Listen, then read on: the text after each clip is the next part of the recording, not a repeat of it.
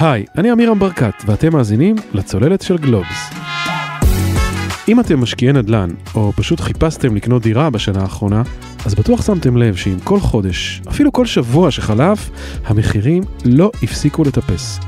סך הכל, בשנה החולפת, מחירי הנדל"ן זינקו בכמעט 9%, עלייה שלא ראינו כמותה בכל העשור האחרון. אחת הסיבות לזינוק הזה נעוצה בהחלטה של שר האוצר הקודם, ישראל כץ, להוריד את גובה מס הרכישה למשקיעים מ-8% ל-5%. אגב, כשמדברים על משקיעי נדל"ן, הכוונה היא לאנשים שיש בבעלותם יותר מדירה אחת. זאת אומרת שחלקם הם ממש לא כרישי נדל"ן. והשבוע במסיבת עיתונאים הודיעו שר האוצר אביגדור ליברמן ושר השיכון זאב אלקין שהם דווקא בוחרים להחזיר את מס הרכישה לרמה שבו היה קודם לכן, 8%. ומכאן אנחנו מגיעים לצעד השביעי והאחרון בצעדים החדשים.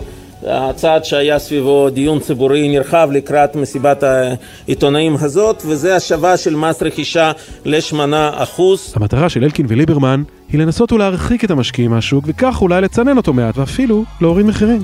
אני חושב שבנושאים האלו, גם בתחום השיווק, גם בתחום ההיצע וגם בתחום צינון הביקוש, אנחנו עושים את המקסימום. האם המהלך הזה יצליח? ומהן המשמעויות למשקיעים ולזוגות הצעירים? וגם עבור שוכרי דירות? וגם אילו עוד צעדים כלולים בתוכנית החדשה שהציגו השבוע ליברמן ואלקין יחד עם שרת הפנים איילת שקד. שלום הילית ינאי לויזון, עורכת מוסף הנדל"ן של גלוב. שלום אמירם. אז היום שרי האוצר, השיכון והפנים כינסו מסיבת עיתונאים והציגו תוכנית שיש בה הרבה מאוד צעדים. והמדובר ביותר מביניהם הוא העלאת מס הרכישה למשקיעים. אבל עוד לפני שאנחנו מגיעים לדבר על התוכנית, מה קרה עם מס הרכישה בשנים האחרונות, ומה המטרה שעומדת מאחורי ההעלאה שלו עכשיו?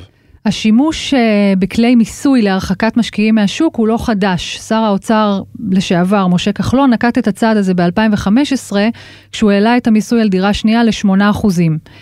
הצעד הזה באמת הצליח בהקטנת uh, שיעור המשקיעים בשוק. אבל קצת אחרי תחילת תקופת הקורונה, שר האוצר אז, ישראל כץ, קיצר את הוראת השעה הזו והחזיר את המס על משקיעים למדרגות יותר נמוכות. 5% עד למחיר של בערך 1.3 מיליון שקלים, 6% במדרגה הבאה ואחריה 7%.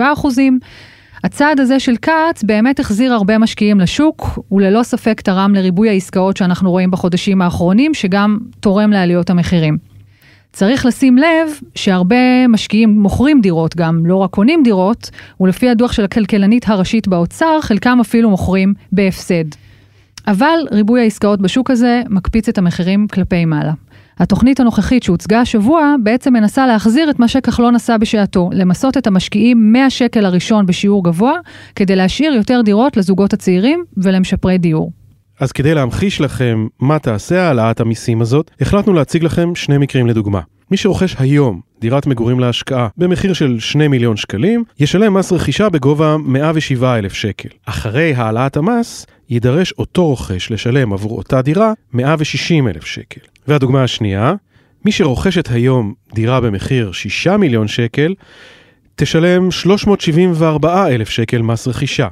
אחרי העלאה, המס הזה יגיע ל-500 אלף שקלים, שוב עבור אותה דירה. אז עילית, מדובר על העלאה של כמה עשרות אלפי שקלים. בדוגמאות שנתנו, בין 50 ל-125 אלף שקלים, וזה על דירות שהמחיר שלהם בין 2 ל-6 מיליון שקלים. והשאלה היא, האם העלאה כזו, יש לה באמת אפקט כל כך גדול על משקיעים? קודם כל, אה, כפי שראינו בעבר, כן, היה לזה אפקט אה, על המשקיעים, והם באמת אה, מיהרו למכור דירות. אה, ראינו בכלל שלצעדי מיסוי יש אפקט פסיכולוגי ויש אפקט אה, מיידי. למשל, כשכחלון דיבר בזמנו על אה, הטלת מס דירה שלישית, עניין שבסוף נעצר בבג"ץ, אנשים מיהרו למכור את הדירות כדי שלא יצטרכו לשלם את המס הזה. זאת אומרת, לצעדי המיסוי באמת יש השפעה על התנהגות המשקיעים. איפה את רואה את הבעייתיות בצעד הזה? דיברנו על הרחקת המשקיעים, על פניו נשמע שזה יכול לעזור במלחמה במחירי הדיור הגואים, ואנחנו גם זוכרים שקצב קצב עליית מחירי הדיור בתקופתו של כחלון קצת התמתן. מצד שני, את אומרת, יכול להיות שיש גם בעייתיות במס הזה שאנחנו אולי לא חושבים עליה. נכון, קודם כל לגבי אה, התמתנות העליות במחירים, יכול להיות שהיא לא קשורה רק לעניין המשקיעים, אלא גם לכך שהיו הרבה מאוד אה, מכרזים של מחיר למשתכן באותה תקופה, שהוציאו חלק מהזוגות הצעירים מהמשחק בשוק הכללי, אז גם את זה צריך לזכור. לעניין מי מרוויח הפעם, בהחלט אפשר להגיד שהזוגות הצעירים שמתחרים בעצם עם המשקיעים על אותן דירות במחיר זול ובינוני בדרך כלל, ירוויחו כי יישאר להן היצע יותר גדול של דירות כאלה, זאת אומרת הן פחות מתחרים עם המשקיעים על הדירות האלה, אבל מי שעשוי או עלול להפסיד אלה שוכרי הדירות, כי המשקיעים הם רוב אלה שמציעים את היצע הדירות להשכרה בשוק. יש התחלה של דיור מוסדי באמצעות חברת דירה להשכיר, באמצעות קרנות ריט, וגם חברות נדל"ן שבזמן האחרון מציעות אה, דירות להשכרה לטווח ארוך. זה פתרון מצוין, אבל הוא ממש בשולי שוליים של השוק מבחינה מספרית עדיין, אלה לא כמויות גדולות. רוב שוק השכירות הוא בידי המשקיעים, כך שברגע שאתה מוציא דירות מהשוק הזה, אלה פחות דירות להשכרה. עכשיו צריך לזכור שבניגוד למחירי הדירות שכבר עלו, ראינו ביותר מ-6% מתחילת השנה הזו, מחירי השכירות עוד לא עלו כל כך, ויכול להיות שהקטנת ההיצע בשוק השכירות תגרום לעליית מחירים בשוק הזה. לכך צריך להוסיף גם את העובדה שבחוק ההסדרים, שממש אה, עובר בימים אלה, נכנסה רפורמה בפינוי-בינוי. איך זה קשור לשוק השכירות? הרפורמה הזו הקטינה את שיעור ההסכמה בפרויקטים של פינוי-בינוי מ-80% לשני שליש, וזה צפוי להוציא לפועל יותר מהר פרויקטים של פינוי-בינוי. ברגע שאתה מפנה את האנשים מהדירות, שאלה באמת בדיוק הדירות הישנות והקטנות שהסוחרים מחפשים, הם יצטרכו לעבור למקומות אחרים. כבר עכשיו אנחנו שומעים על לחץ בשוק השכירות במקומות האלה, והרפורמה הזו צפויה עוד להחריף אותו. תודה רבה, אלית. תודה לך. שלום לדרור מרמור, סגן עורכת גלובס ופרשן בכיר בעיתון. אהלן אמירם. אנחנו מבינים שהמס החדש ייכנס לתוקף בתוך שבועיים מהיום. מה זה אומר לגבי השבועיים הקרובים? מה מצפה לנו? אין ספק, זאת אומרת שאומרים לאנשים, רוצו מהר לקנות דירה, כי בעוד שבועיים מהיום בהגדרה, מחירי הדירות יהיו יקרים יותר, ולו בגלל המס. ראינו את זה כבר ב-2015, ראינו את הריצה המטורפת של המשקיעים לקחת משכנתאות ולקנות דירות עד שהמס נכנס. אגב, אז זה היה רק על בסיס שמועות, כשכחלון החליט להעלות את מס הרכישה.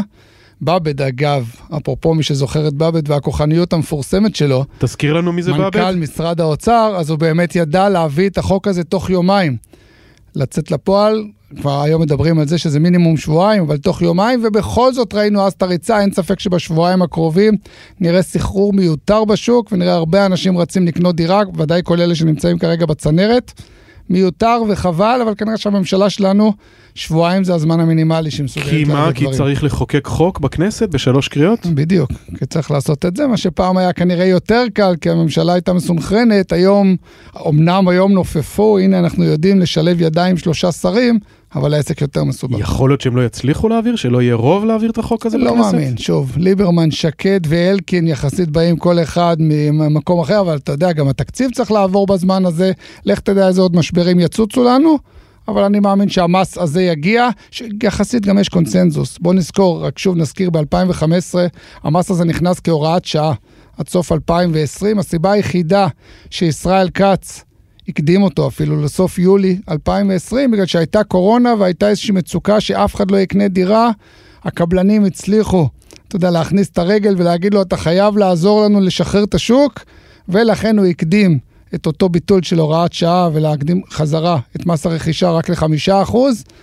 די מהר היה ברור שזה היה טעות להוריד את המס הזה, ראינו את המשקיעים חוזרים, קצת עבדו על ישראל כץ ולא בפעם הראשונה. טוב, אבל דרור, אתה, אתה מתלונן על זה שזה לוקח שבועיים, אבל מצד שני, הולכים לסגור עסקה, אנשים עובדים על העסקאות האלה, זה לא עסקה שאתה הולך לקנות משהו במכולת, זה עסקת חייך, זה סיפור גדול. פתאום באה המדינה, מעלה לך את המס, משנה לך את כל התחשיבים, אתה צריך לשלם עוד איזה 100 אלף שקל, זה גם לא הכי הוגן אולי, לא? קודם כל בוא נזכור שזה כבר על השולחן הרבה מאוד זמן, זה אגב אחת הטעויות, כלומר חלק גדול מהאנשים שנכנסו לשוק הזה בחודש, חודשיים האחרונים, זה בגלל שאמרו להם, אוטוטו המס עולה, רוצו מהר, גם אם תכננתם לקנות עוד חצי שנה ועוד שנה, תקנו עכשיו כי המס עולה. אז אנחנו גם את זה צריכים לזכור, שיש פה הרבה רעשים לא נכונים במערכת, אבל אתה צודק, אבל הביקורת העיקרית שלי זה שמס רכישה, בסוף בסוף, בוא גם את זה נזכור, זה המס הכי טיפש שיש לנו בשוק. אתה יודע, זה בסוף לבוא עכשיו לרשות המיסים, והיא הכי אוהבת אגב מיסים כאלה. כי זה הכי קל, קנית במיליון, 8% במקום 5%, נורא פשוט לחשב ונורא פשוט אה, להוציא לך את השומה, אבל אלה לא המיסים שמייעלים באמת המערכת, אין לנו שום עניין, זה רק תוקע עסקאות וזה באמת עוצר את כל השוק. כשיש מיסים חכמים בהרבה, רק נזכיר מס שבח. שקובע 25% מיסוי בין קנייה למכירה, כמובן שהוא מס חכם בהרבה, שממסה את ההון, של, את הרווחים שעשית, ולא את העסקה שעשית, אבל שוב, רשות המיסים לא אוהבת לעבוד קשה מדי, ומשרד האוצר מאוד אוהב פתרונות קלים, אתה יודע, שגם קלים ליישום, אבל הרבה בשורה אני לא חושב שיש במס הזה. מס uh, טיפש אתה קורא לו, אבל אולי גם uh, מס אפקטיבי? אז הוא מס אפקטיבי, אבל ש... מה הוא עושה? אתה יודע, הוא מרחיק משקיעים, אבל אני חושב שאת כבר דיברו על זה, ועילית קודמתי דיברה על זה, בסוף משקיעים הם משכירי דירות, וכמה חכם כרגע להדיר משקיעים מהשוק, אני לא יודע, אתה יודע, מחרתיים, אם פתאום השוק ייכנס כן לאיזושהי רוויה, אז בוא נזכור שיזמים לפעמים מתחילים פרויקט, בין השאר כי הם יודעים שיש להם את הפלח הזה לפנות אליו. אז אם בסופו של דבר אולי זה יוריד יזמות ויוריד חלק מהיקפי הבנייה, בסוף יצא שכרנו בהפסדנו. לא חושב שהמס הזה בסוף מייעל את השוק, אני תולה תקוות אגב, בלא מעט צעדים אחרים, אבל מס רכישה שיקבל כל כך הרבה כותרות בשבועיים הקרובים, בסוף בסוף לא מס חכם במיוחד. אז בואו נדבר על הצעדים האחרים. איך אתה מעריך אותם, הם קצת יותר חכמים מהמס הזה שאתה כל כך יורד עליו. אה, בערבון מוגבל יורד אליו. ואיך אה, הצעדים האלה בהשוואה לתוכניות קודמות? אנחנו רואים פה מחזור של כל מה שיש במגירה, או שיש פה איזה דברים חדשים ויצירתיים? קודם כל מחזור מוחלט, אבל גם פה אולי אני אפתיע אותך, לא בטוח שזה רע. אתה יודע, בשנים האחרונות, כל שר שהגיע נאלץ, רצה, היה מעוניין לשלוף איזה ג'וקר שאף אחד לא הכיר לפניו. נזכור את יאיר לפיד ומע"מ אפס, נזכור את כחלון, מס דירה שלישית. מה זה עשה? בעיקר סחרר את השוק. הפעם באמת מה שעשו זה פתחו את המגירות, שלפו תוכניות שכנראה לא בכדי לא נזרקו מאותן מגירות, ואני לא בטוח שזה רע, כלומר... אז מה יש לנו הפעם? אז קודם כל, למשל, אתה יודע, הביטול של השימוש חורג על דירות, הגיע הזמן באמת שמישהו יעשה סדר, כשקבעו המתכננים שפה יהיו דירות ופה יהיו משרדים ופה יהיו עסקים, לא בהכרח הם תמיד קלעו למקום הנכון, אבל אין שום סיבה שלא יהיה מישהו שייעל את המערכת.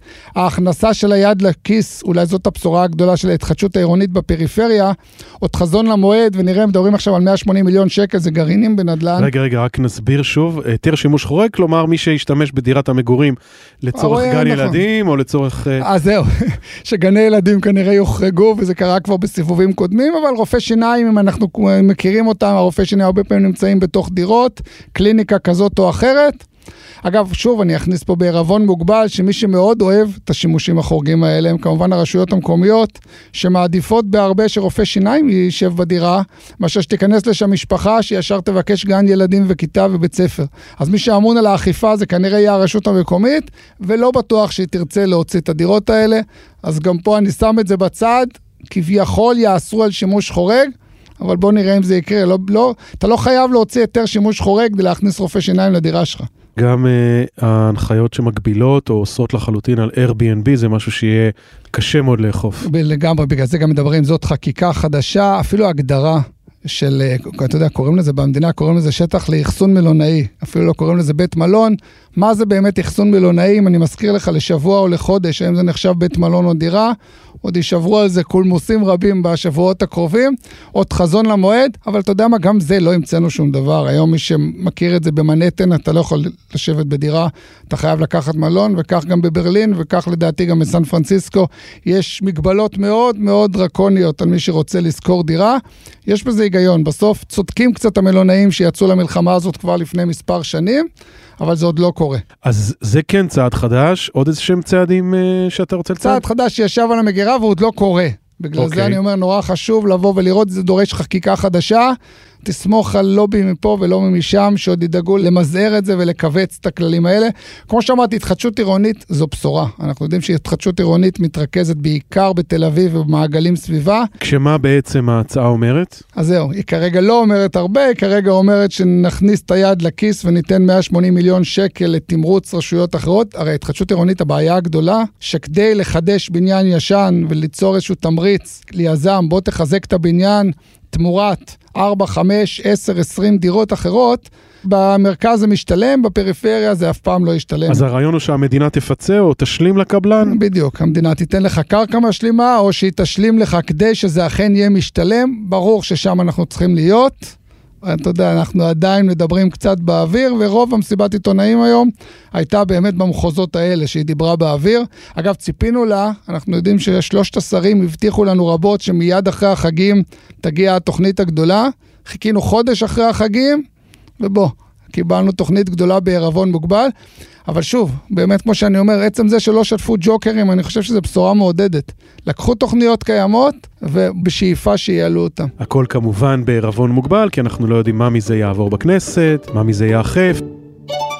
אז הזכרנו גם את ה-Airbnb, גם את ההיתר לשימוש חורג, התחדשות עירונית, שכחנו משהו? בוא נזכיר מה אין שם, אתה יודע, כי בכל זאת אנחנו רואים, כמו שאמרתי, חגגו היום את הסינכרון של שלושת השרים, באמת זה לא דבר כל כך שכיח במחוזותינו, שאלקין, שקד וליברמן מציגים תוכנית אחת, אבל כדי להציג תוכנית אחת בחודש האחרון, בעיקר מה שהם עשו, זה להעיף את כל מה ששנוי במחלוקת. אז מה נשאר בחוץ? למשל, אנחנו יודעים שהבעיה מספר אחד כדי להגדיל את היצע הדירות, זה כמובן כל הפלונטר מול הרשויות המקומיות שלא אוהבות להקים דירת מגורים, כי דירת מגורים, מה לעשות, משלמת X ועולה פי 3X.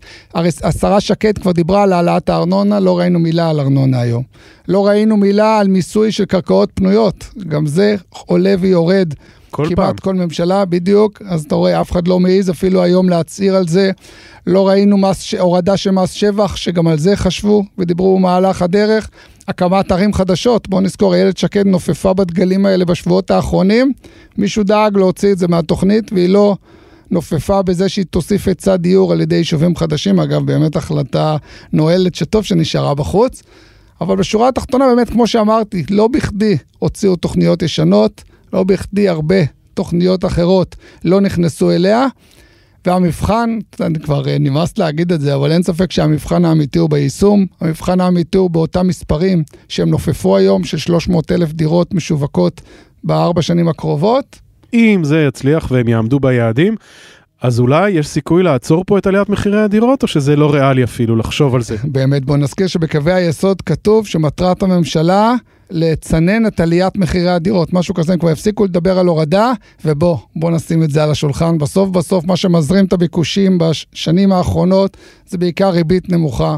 זה בעיקר כסף גדול שזורם אל השוק, שאנשים לא יודעים מה לעשות איתו ולא כולם הולכים לבורסות, חלק הולך לנדל"ן. אז זו מלחמה קשה, כי הריבית הנמוכה עדיין איתנו, אז אני לא מנתק אחד מהשני. בוא נגיד, אם הריבית עולה, לא חשוב מה הם יעשו, כנראה הנדל"ן יצטנן. אם הריבית לא עולה, אז הם יצטרכו באמת להגדיל משמעותית את היקף הדיור כדי שיהיה פה שינוי. חובת ההוכחה עליהם. ועם כל הביקורת אני מתרשם שבסך הכל אתה נותן להם ציון לא רע. זאת אומרת, התוכנית הזאת, בהשוואה למה שראינו בשנים האחרונות מהממשלות, בטח מהממשלה הקודמת שלא ראינו אף תוכנית, אבל אפילו בהשוואה לכחלון אולי, יש פה תוכנית שהיא אולי קצת יותר מכלילה, קצת יותר מתואמת. ולא חיפשה קרדיטים, כלומר אין פה, לא כמו שאמרתי, אין פה. מע"מ אפס ואין פה מס דירה שלישית, יש פה עבודה קשה, אבל בוא, אנחנו צריכים, בשביל זה הם צריכים לעבוד קשה. אגב, הממשלה עוד לא הוכיחה לנו שהיא יודעת לעבוד קשה. זו ממשלה טרייה שבעיקר מתעסקת בפתרונות וברעיונות. שרים צריכים לדעת גם לעבוד, בואו נראה אם הם יודעים לעבוד. אז אתה אומר, אה, נצטרך לפחות שנה של עבודה קשה או משהו כזה, בשביל לדעת אם העסק הזה עובד, אם זה מצליח, עד שנראה את הסימנים הראשונים. אגב, כן, ואגב, לא בטוח שיהיה להם את השנה הזאת, הולך להיות לא מעניין-. מאוד מעניין הם היו, בפוליטיקה. אני חושב שהם היו מוכנים לחתום על שנה. אה, דרור, תודה רבה. בשמחה.